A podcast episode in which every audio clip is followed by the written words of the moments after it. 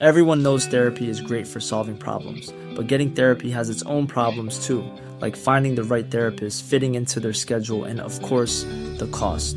Well, BetterHelp can solve those problems. It's totally online and built around your schedule. It's surprisingly affordable too.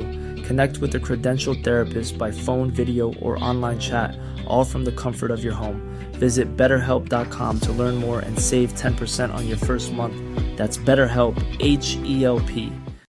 If you're looking for plump lips that last, you need to know about Juvederm lip fillers. With Juvederm Volbella XC and Juvederm Ultra XC, your lip look, whether it's subtle or bold, can last up to one full year with optimal treatment and no additional maintenance. Find a licensed specialist and see if it's right for you at juvederm.com today. That's J U V E D E R M.com. Add fullness to lips in adults over 21 with Juvederm Volbella XC or Juvederm Ultra XC. Do not use if you have severe allergies or a history of severe allergic reactions, or if you're allergic to lidocaine or the proteins used in Juvederm. Tell your doctor if you have a history of scarring or taking medicines that decrease the body's immune response or that can prolong bleeding. Common side effects include injection site redness, swelling, pain, tenderness, firmness, lumps, bumps, bruising, discoloration, or itching. As with all fillers, there's a rare risk of unintentional injection into a blood vessel, which can cause vision abnormalities, blindness, stroke, temporary scabs, or scarring. For full important safety information, visit juvederm.com.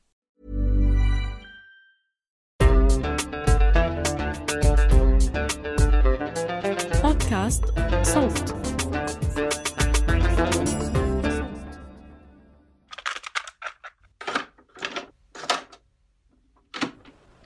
كان بودي من زمان ابعت لك شريط بس الظروف ما سمعت ليش كان كنت سجلة خلفاني جبناه امبارح بعرفش هلا كيف عم يطلع الصوت عليه يعني بس المهم السنة مهما خيف الأمر ما عادش رح خليك تسافر لو كان بدك تشتغل يومية هون مية ليرة وبرا مصروفها ما عادش بدك تسافر بدنا نقعد بيت لحالنا بحالنا.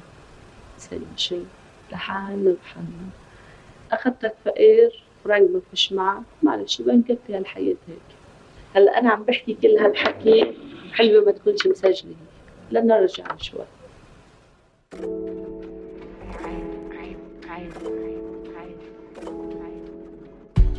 بسنة 1978 بقرية جنوب لبنان كانت مريم بتسجل هاي الرسالة لزوجها رشيد المغترب في السعودية. قلبت الشريط أو الكاسيت أكثر من مرة لحتى تتأكد إنه صوتها تسجل. على مدار عشر سنين رح يرافق هذا المسجل والكاسيت مريم. ورح تخبر رشيد تفاصيل كتير من سعر الشريط اللي بتسجل عليه لوضع الكهرباء في البلد لدراسة الأولاد لتفاصيل ولادة طفلهم الجديد ومشاعرها واشتياقها وغضبها وأخبار الحرب والاجتياح. وهيك لحد ما يرجع رشيد من السفر أو لحد ما يبطل في كاسيت أو مسجل.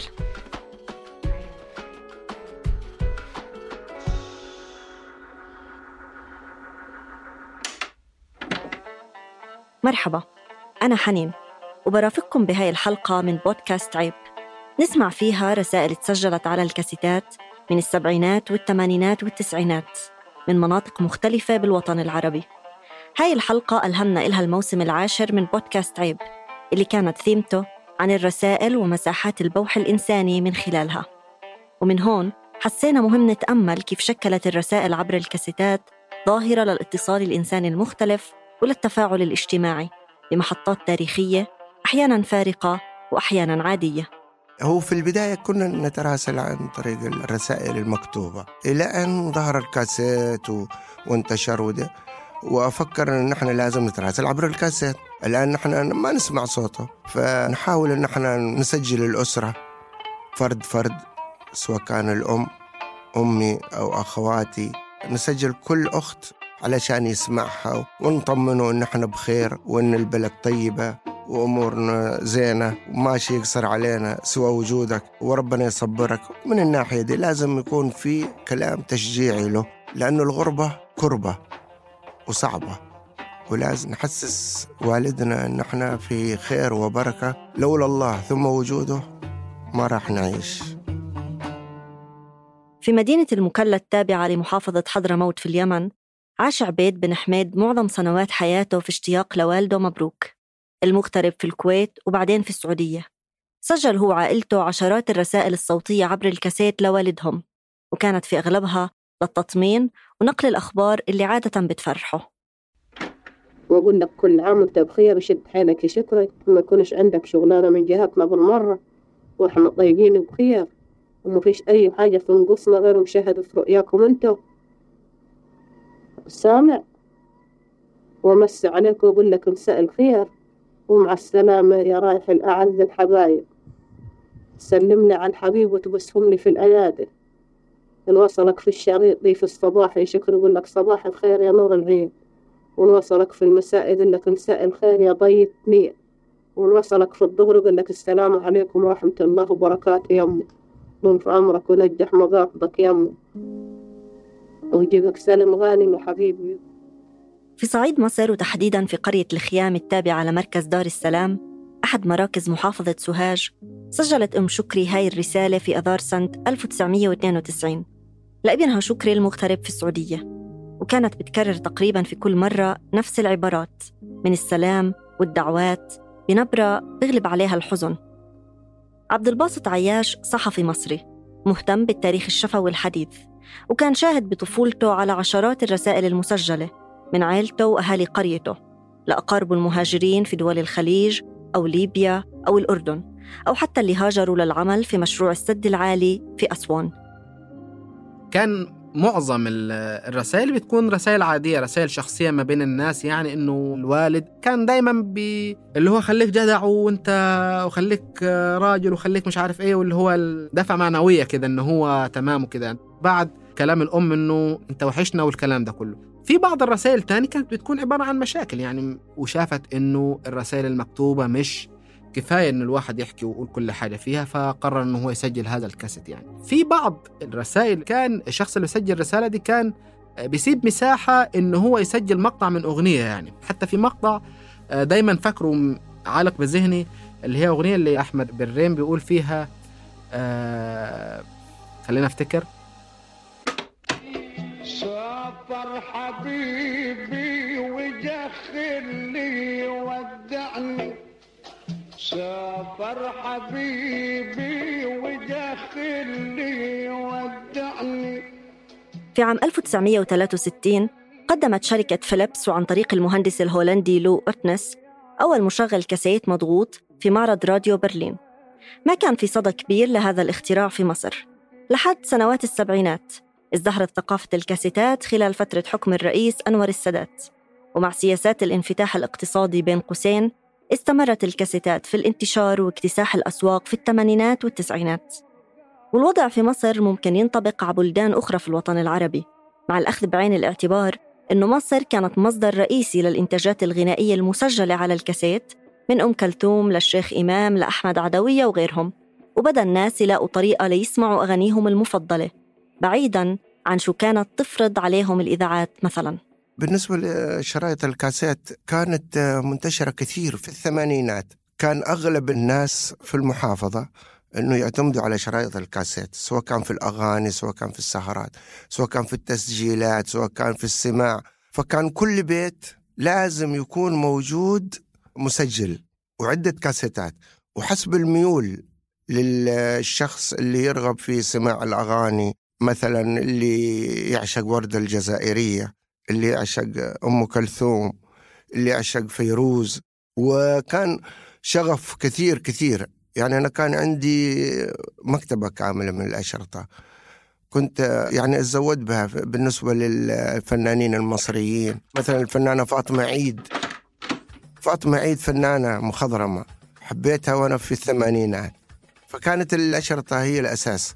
هي الأساس في كل شيء. حتى لما يكون في احتفالات في زواجات ننزل بالمسجلات نحن بأنفسنا ونسجل في السهرات. علشان نكسب السهرة ونسجلها. وكان في كثير استديوهات موجودة داخل محافظة حضرموت. استديوهات للأشرطة الكاسيت فقط.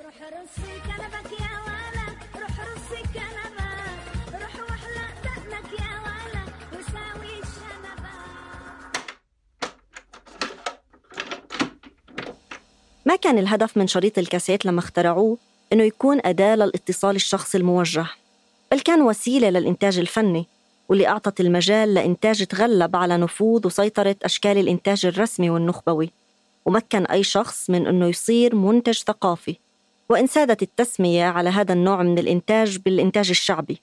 ولقى فنانين مغمورين فرصتهم ليسجلوا أغانيهم بتكاليف بسيطة وبدون قيود وصارت التسجيلات على اختلاف أنواعها متاحة للكل سواء أغاني أو تسجيلات دينية أو غيرها. الأغاني يعني مثلا بنلاقي مثلا حتى المغنيين الشعبيين زي أحمد برين محمد العجوز مغنيين زي مثلا عبد النبي الرنان مثلا هم كان أكثر الأغاني اللي بيغنوها أغاني متعلقة أحيانا بالمدائح. في جانب كبير جدا من الكاسيت كانت متعلقة بالسيرة الهلالية. في جانب كبير جدا من الأغاني كان أو من الكاسيتات كان متعلق بالتسجيل الحفلات القرآنية لمثلا مش لمشاهير القراء كمان مثلا لأشخاص هم نجوم في في أماكنهم زي الشيخ عبد عبد الراضي مثلا. إلى جانب ذلك كان في الأغاني الشبابية زي مثلا أغاني عمرو دياب أغاني حكيم أغاني الأغاني اللي هي كانت بتاعت وقتها يعني. وإلى جانب ذلك كانت ما زال أغاني عبد الحليم حافظ ووردة الجزائرية وكان بالمناسبة يعني كان الناس في المنطقة أنا منها كان عندهم بيقولوا على اثنين الست الست وردة والست أم كلثوم يعني. فدي كانت من الأشياء اللي ما شفتهاش غير في القرية بتاعتنا يعني. يعني وردة كانت من الناس اللي هي برضو لها يعني جماهيرية رهيبة في المنطقة اللي أنا منها يعني.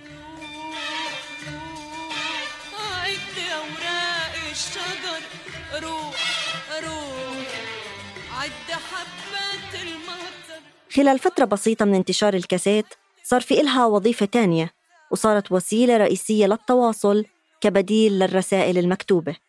وكانت فرصة مش لتخيل صوت مرسل الرسالة من قبل قارئها بل لسماعها بصوته كتعويض بسيط لسنوات الانقطاع والبعد إضافة لأنها كانت الوسيلة الأسهل لتواصل الأشخاص الأميين أو المكفوفين. والأمر بسيط ينجاب كاسيت مسجل عليه أغاني أو مدائح أو أي محتوى تاني وبيبدأ الشخص التسجيل على المحتوى واللي بينحذف تلقائياً. وأحياناً بيوصل مع التسجيل بشكل عفوي جزء من الأغنية الأصلية اللي كانت على الكاسيت مثل ما كانت تعمل مريم تماماً. ومش ضروري دايما تشتري كاسيت جديد للتسجيل لأنها بتسجل على الموجود. على فكرة مش تقول مرتي عم تسجل لي على الشرطان اللي عمالي أنا ببعت يمكن بعت من سنة الماضية أو شيء شريت بعده جديد شو؟ ويعني وأنا مش ما عنديش هواية بالأغاني هيك وسجل وضلني أسمع مسجلات فقلت أني حرام شريط حقه سبع ليرات. أني أحق فيه بجيب له كنز فيه ولا جلال أو بجيب لي شيء. لا بتسجل عادي أشتريته وبعته بيحكي منيح. I'm Sandra, and I'm just the professional your small business was looking for. But you didn't hire me because you didn't use LinkedIn jobs. LinkedIn has professionals you can't find anywhere else, including those who aren't actively looking for a new job but might be open to the perfect role, like me. In a given month, over 70% of LinkedIn users don't visit other leading job sites. So if you're not looking on LinkedIn, you'll miss out on great candidates like Sandra. Start hiring professionals like a professional. Post your free job on linkedin.com/people today. One size fits all seems like a good idea for clothes until you try them on. Same goes for healthcare. That's why United Healthcare offers flexible, budget-friendly coverage for medical, vision, dental, and more. Learn more at uh1.com. مع ظهور الاقتصاد القائم على النفط في دول الخليج خلال فترة الخمسينات وبداية الازدهار الاقتصادي بهاي الدول بالسبعينات اتدفق عدد كبير من المهاجرين من مختلف أنحاء الوطن العربي لدول الخليج وكان المصريين من أكثر الجنسيات العربية المهاجرة. لكن في منطقة الصعيد كان السفر والغربة له خصوصية كبيرة. كونه مش خيار رائج لأنه التعلق بالأرض والعيلة كان جزء من الثقافة الشعبية هناك. قبل 76 أو قبل حتى انتهاء قبل الحرب أكتوبر يعني كان فكرة السفر سفر الشخص الصعيدي عموما يعني. ما كانش كتير أصلا يعني. يعني حتى كان في دايما مقولة بتقول إنه المصري ما بيحبش يسافر أو الصعيدي ما بيحبش يسيب بلده ويسيب يسيب أرضه يعني. لكن بعد في السبعينيات يعني أو بعد حرب أكتوبر يعني وظهور الدول البترولية بدأ يحصل في سفر إلى السعودية إلى الدول الخليج الثانية إلى الأردن إلى ليبيا. وبدأت تظهر أجهزة الكاسيت. الشيء الثاني إنه الشخص الصعيدي نفسه في القرى دايما بيدور على على فكرة الونس فهو بيحتاج دايما لأصوات يمكن تسلي أو تملأ هذا الفراغ اللي هو عنده. وكان الفقر موجود. هذا قبل الانفتاح هذا قبل حوالي قبل الستينات. فاضطروا أهالينا إنهم يغادروا. يعني لازم يغتربوا. فبدأوا بالمناطق الإفريقية اللي هي منباسة و... وبعدين رجعوا غادروا وهاجروا على الكويت وجلسوا فيها وجاهدوا واشتغلوا إلين الثمانينات ومن الثمانينات إلى أن جاءت حرب صدام وانتقلوا بعدها إلى المملكة العربية السعودية.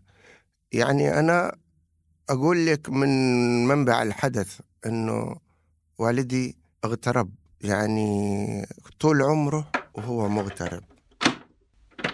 مكانك يا حبيب القلب في القلب دار ولا يخطر ببالي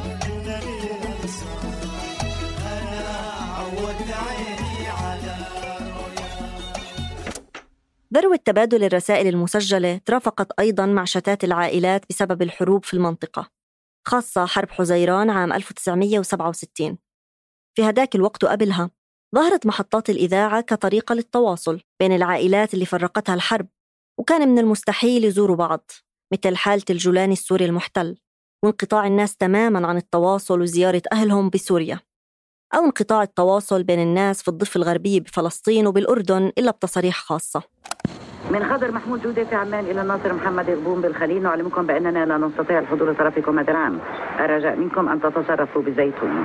من صباح محمد شويكي إلى الأهل في بيت حنينة. أحمد محمود شويكي نخبركم أن صباح ذهبت للجسر وعادت بسبب خطأ بالاسم. أرجو عمل تصحيح آخر باسم. صبحية محمد عاشور شويكي وابنتها دانا العمر ثلاث سنوات. وهون كان الكاسيت الوسيلة الأكثر شخصية. لما الشخص المرسل ما بده يشارك رسالته مع كل مستمعين الإذاعة. أو ما بده يضطر لإخفاء اسمه أو الاستعانة باسم مستعار ليوصل صوته لحبيب بعيد. فكان بيحمل الكاسيت رسائل واضحة ومباشرة وشخصية جدا وبصوت صاحبها. أما مريم خلال الحرب الإسرائيلية واحتلال جنوب لبنان عام 1982 فكانت حريصة تنقل لرشيد تفاصيل الحرب. أول شيء طبعا بيكون بالك مسؤول علينا شو صار صار فينا بهالاجتياح فطمنت الحمد لله ظهرنا بخير من الضيعة. وهلا نحن موجودين ببيروت والحمد لله ما صار علينا شيء. ومثل ما سمعتوا بالأخبار إنه إسرائيل اشتاكت هلا آه بصار. كنت أنا بالبيت ساعة تقريبا شيء ثلاثة إلا ربع. الطيران عم يقوم من الصبح بس بعيد طيران آه مروح. رصاص كمان عم يقوتوا على الوادي على طريق النهر. وعن كيف كانت الرسائل المسجلة توصل للمغتربين أو توصل منهم فغالبا عن طريق أشخاص رايحين لنفس المكان بيحملوا معهم هاي الكاسيتات. أحيانا وبسبب الأوضاع السياسية كان يتم تفتيش الأشرطة بالمطارات أو على نقاط التفتيش الحدودية وكان يكون في خوف إنها تحمل مضامين سياسية. فعلا بتمرق بالبلاد كأنك مارق بمدن أشباح. عالم ما في خالية حركة ما في. الغلا شيء مش معقول ما بتصور العقل أبدا ما بتصور العقل يعني بمعنى هالقبضة الحديدية فعلا خلت الناس كلها آه ترحل من الجنوب مش عارفة أنا عم بسجل وما بعرف إن شاء الله يعني اللي حامل هالشريط ما يوقعش عليه مسؤولية.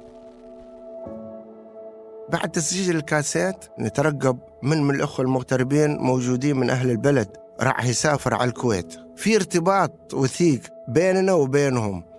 يعني لازم نحن ندرى عندما يجي مغترب مثلا من دولة الكويت معه رسائل ومعه أشرطة في مكان محدد يحط كل الرسائل في هذا المكان. نحن كل أسبوع تجي طائرة الكويت نروح مباشرة على نفس المكان.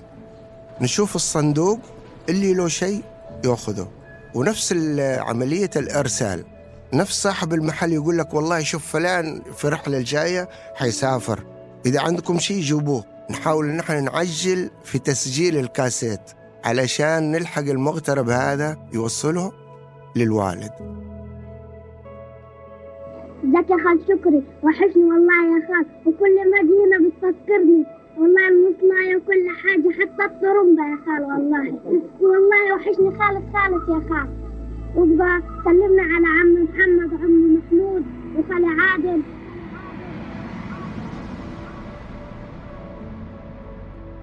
في الصعيد غالبا كان بيرافق تسجيل هاي الرسائل طقوس خاصة. مثلا بتجمع الأهل وبيبدأ الوالد أو الأكبر سنا في العائلة بالتسجيل بعدين بيسجل الأصغر عمرا. وأحيانا ممكن يتسجل الشريط على أكثر من يوم مش بنفس الجلسة. بيكون في حرص على وصف مشاهد البيت أو القرية وكأنه المرسل بيشوفها لأول مرة أو يحاول يشوفها بعين الشخص الغائب. كان في شيء كده موجود أو ظاهر عند بعض الناس إنه يخلوا في صوت أطفال في تسجيل الكاسيت. أنا كنت طفل في الفترة دي في نهاية التسعينيات وكان أحد أقاربنا كان في السعودية وكان والدته هي ست كبيرة يعني الله يرحمها. بعتت لي حد عشان أتكلم في تسجيل الكاسيت يعني. طبعا أنا بالنسبة لي كطفل ده حاجة عظيمة يعني وأنا هبدأ أتكلم وأقول بقى كل الحاجات اللي أنا عايز أقولها يعني. تمام يعني تعرف تغني تعرف مش عارف آه، تقرأ قرآن. فقلت لها خلاص أنا هقرأ شوية قرآن وكده وشوية مدايح وزي كده يعني. أنا عاصرت ال- الفترة دي وكان المشاعر اللي دايما بتطغى على الكاسيت يعني هي الست دي كانت بسيطة جدا يعني. ومع ذلك كانت مهتمة جدا إنها تسجل أجواء البيت أصوات الحياة في البيت أصوات عموما يعني. مش أصوات شخصية لا هي كانت بتاخد فترة كده تسكت وتسيب التسجيل يسجل وتقول خليه يسمع يعني أجواء خليه يسمع روح البيت.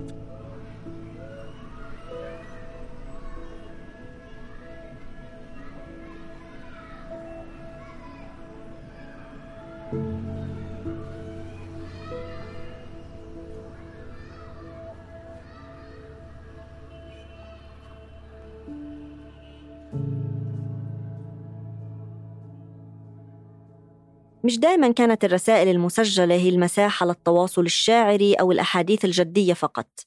بتسجيلات مريم كانت بتشارك رشيد كل شي بيصير معها. مرات بتعاتبه لأنه مصروف البيت بطل يكفي. ومرات بتشكيله عن مشاكل الأولاد وإنها تعبت من غربته. ومرات بتمزح مع الأولاد أو بتطلع غضبها عليهم وهي بتسجل.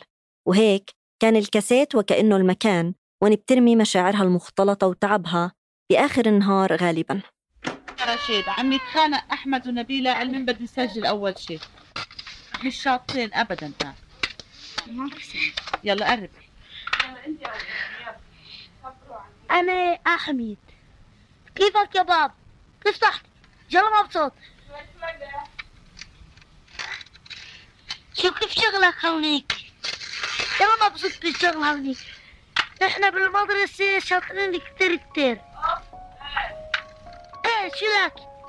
ان شاء الله عم تطلع مصاري وانت بدك تيجي في أحيان كان في طرافة ومواقف عفوية ميزت هذا النوع من التواصل عن أي أشكال تواصل تانية ما ممكن نقرأها بالرسائل المكتوبة مثلا أو لاحقا نشوفها بأشرطة الفيديو أو المكالمات اللي كانوا مكلفين ماديا أكثر من شرايط الكاسيت.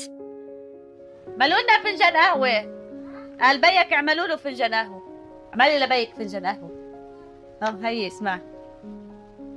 لا بلا قهوه يلا قومي اعملي لنا فنجان وجعني راسي ليكي اسمعي مشاح فنجان قهوة. إنما في بعض اشرطه الكاسيت الثاني كانت تستغرق ممكن ست شهور سبع شهور لحد ما توصل يعني. ففاكر إنه في حد بيحكي لي قصة بيقول لي إنه واحدة من قرايبه كان جاي لها عريس. فبعتوا ياخدوا رأي العريس ده ياخدوا رأي والدهم إنه فلانة الفلانية جاي لها عريس وهتتجوز وكده فإيه رأيك؟ وألف مبروك وكده يعني.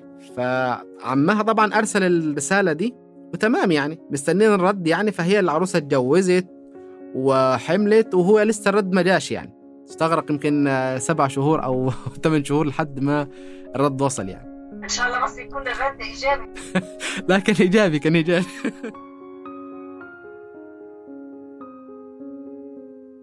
مع الوقت صارت الكاسيتات المسجلة أشبه بأرشيف عائلي. في له مكانة واهتمام خاص في البيت. وإذا الاشتياق للشخص الغائب كبير فممكن ينسمع الشريط مرة ومرتين وأكتر أو ينعاد إذا في توصيات معينة من الأهل للمغترب لازم يبعتها. فبيرجع يسمع ليتأكد إنه ما نسي إشي منها. فالأسرة تحتفظ بالأشرطة اللي يرسلها الأب ما ترميها.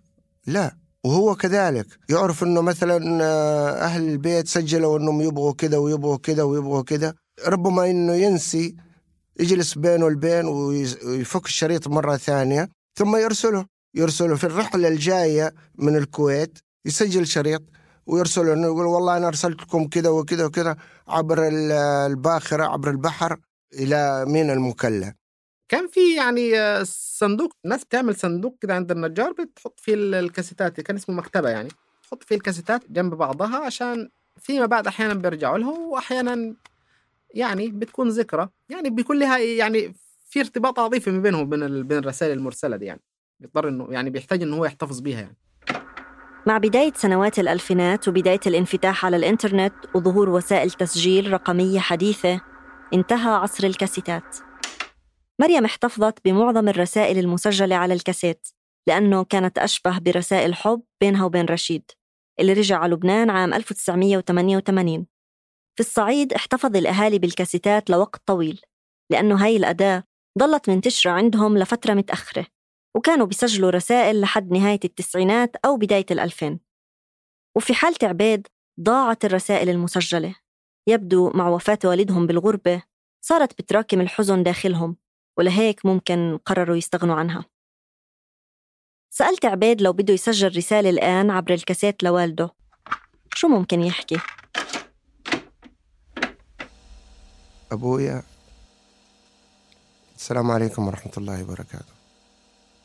أبويا طالت السنين إلى متى؟ فإحنا مشتاقين لك. إلى متى حتجلس في الغربة أعرف إن الحياة صعبة وإن السفر كربة فإحنا مشتاقين لوجودك فقط لا غير. أنا موجود أنا ابنك ذراعك اليمين وأنا واثق إنك لما حتسمعني بتأخذ بكلامي. حاول أن تتجاوز هذه المحنة وأن تستقر في بلدك. حاول أبويا فإحنا بحاجة لك أكثر من دولة الكويت. فإحنا دولة الكويت ودولة السعودية فأبنائك هم الوطن.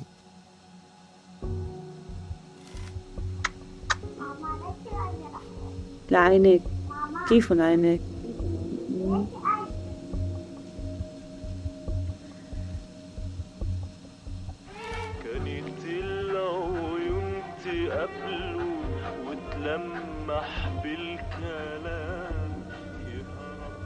اعتمدت هاي الحلقة في التسجيلات المأخوذة من مريم على فيلم أبي ما زال شيوعياً للمخرج اللبناني أحمد الغصين اللي أنتجه عام 2011 ووثق فيه ما تبقى من علاقة رشيد ومريم والدي المخرج عبر مجموعة كبيرة من شرائط الكاسيت.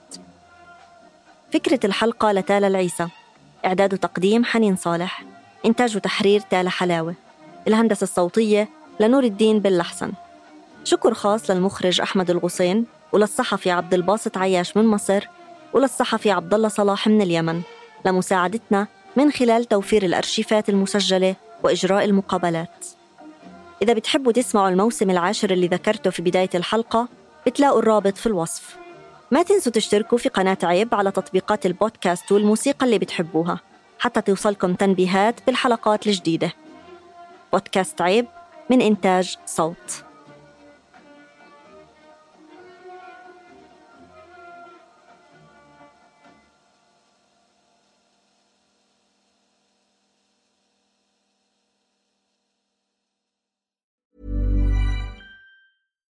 If you're looking for plump lips that last, you need to know about Juvederm lip fillers. With Juvederm Volbella XC and Juvederm Ultra XC, your lip look, whether it's subtle or bold, can last up to one full year with optimal treatment and no additional maintenance. Find a licensed specialist and see if it's right for you at juvederm.com today. That's J U V E D E R M.com. Add fullness to lips in adults over 21 with Juvederm Volbella XC or Juvederm Ultra XC. Do not use if you have severe allergies or a history of severe allergic reactions, or if you're you're allergic to lidocaine or the proteins used in Juvederm. Tell your doctor if you have a history of scarring or taking medicines that decrease the body's immune response or that can prolong bleeding. Common side effects include injection site redness, swelling, pain, tenderness, firmness, lumps, bumps, bruising, discoloration, or itching. As with all fillers, there's a rare risk of unintentional injection into a blood vessel, which can cause vision abnormalities, blindness, stroke, temporary scabs, or scarring. For full important safety information, visit juvederm.com. Hey, it's Paige DeSorbo from Giggly Squad. High quality fashion without the price tag. Say hello to Quince. I'm snagging high-end essentials like cozy cashmere sweaters, sleek leather jackets, fine jewelry, and so much more. With Quince being 50 to 80% less than similar brands. And they partner with factories that prioritize safe, ethical, and responsible manufacturing. I love that. Luxury quality within reach. Go to quince.com slash style to get free shipping and 365 day returns on your next order. Quince.com slash style.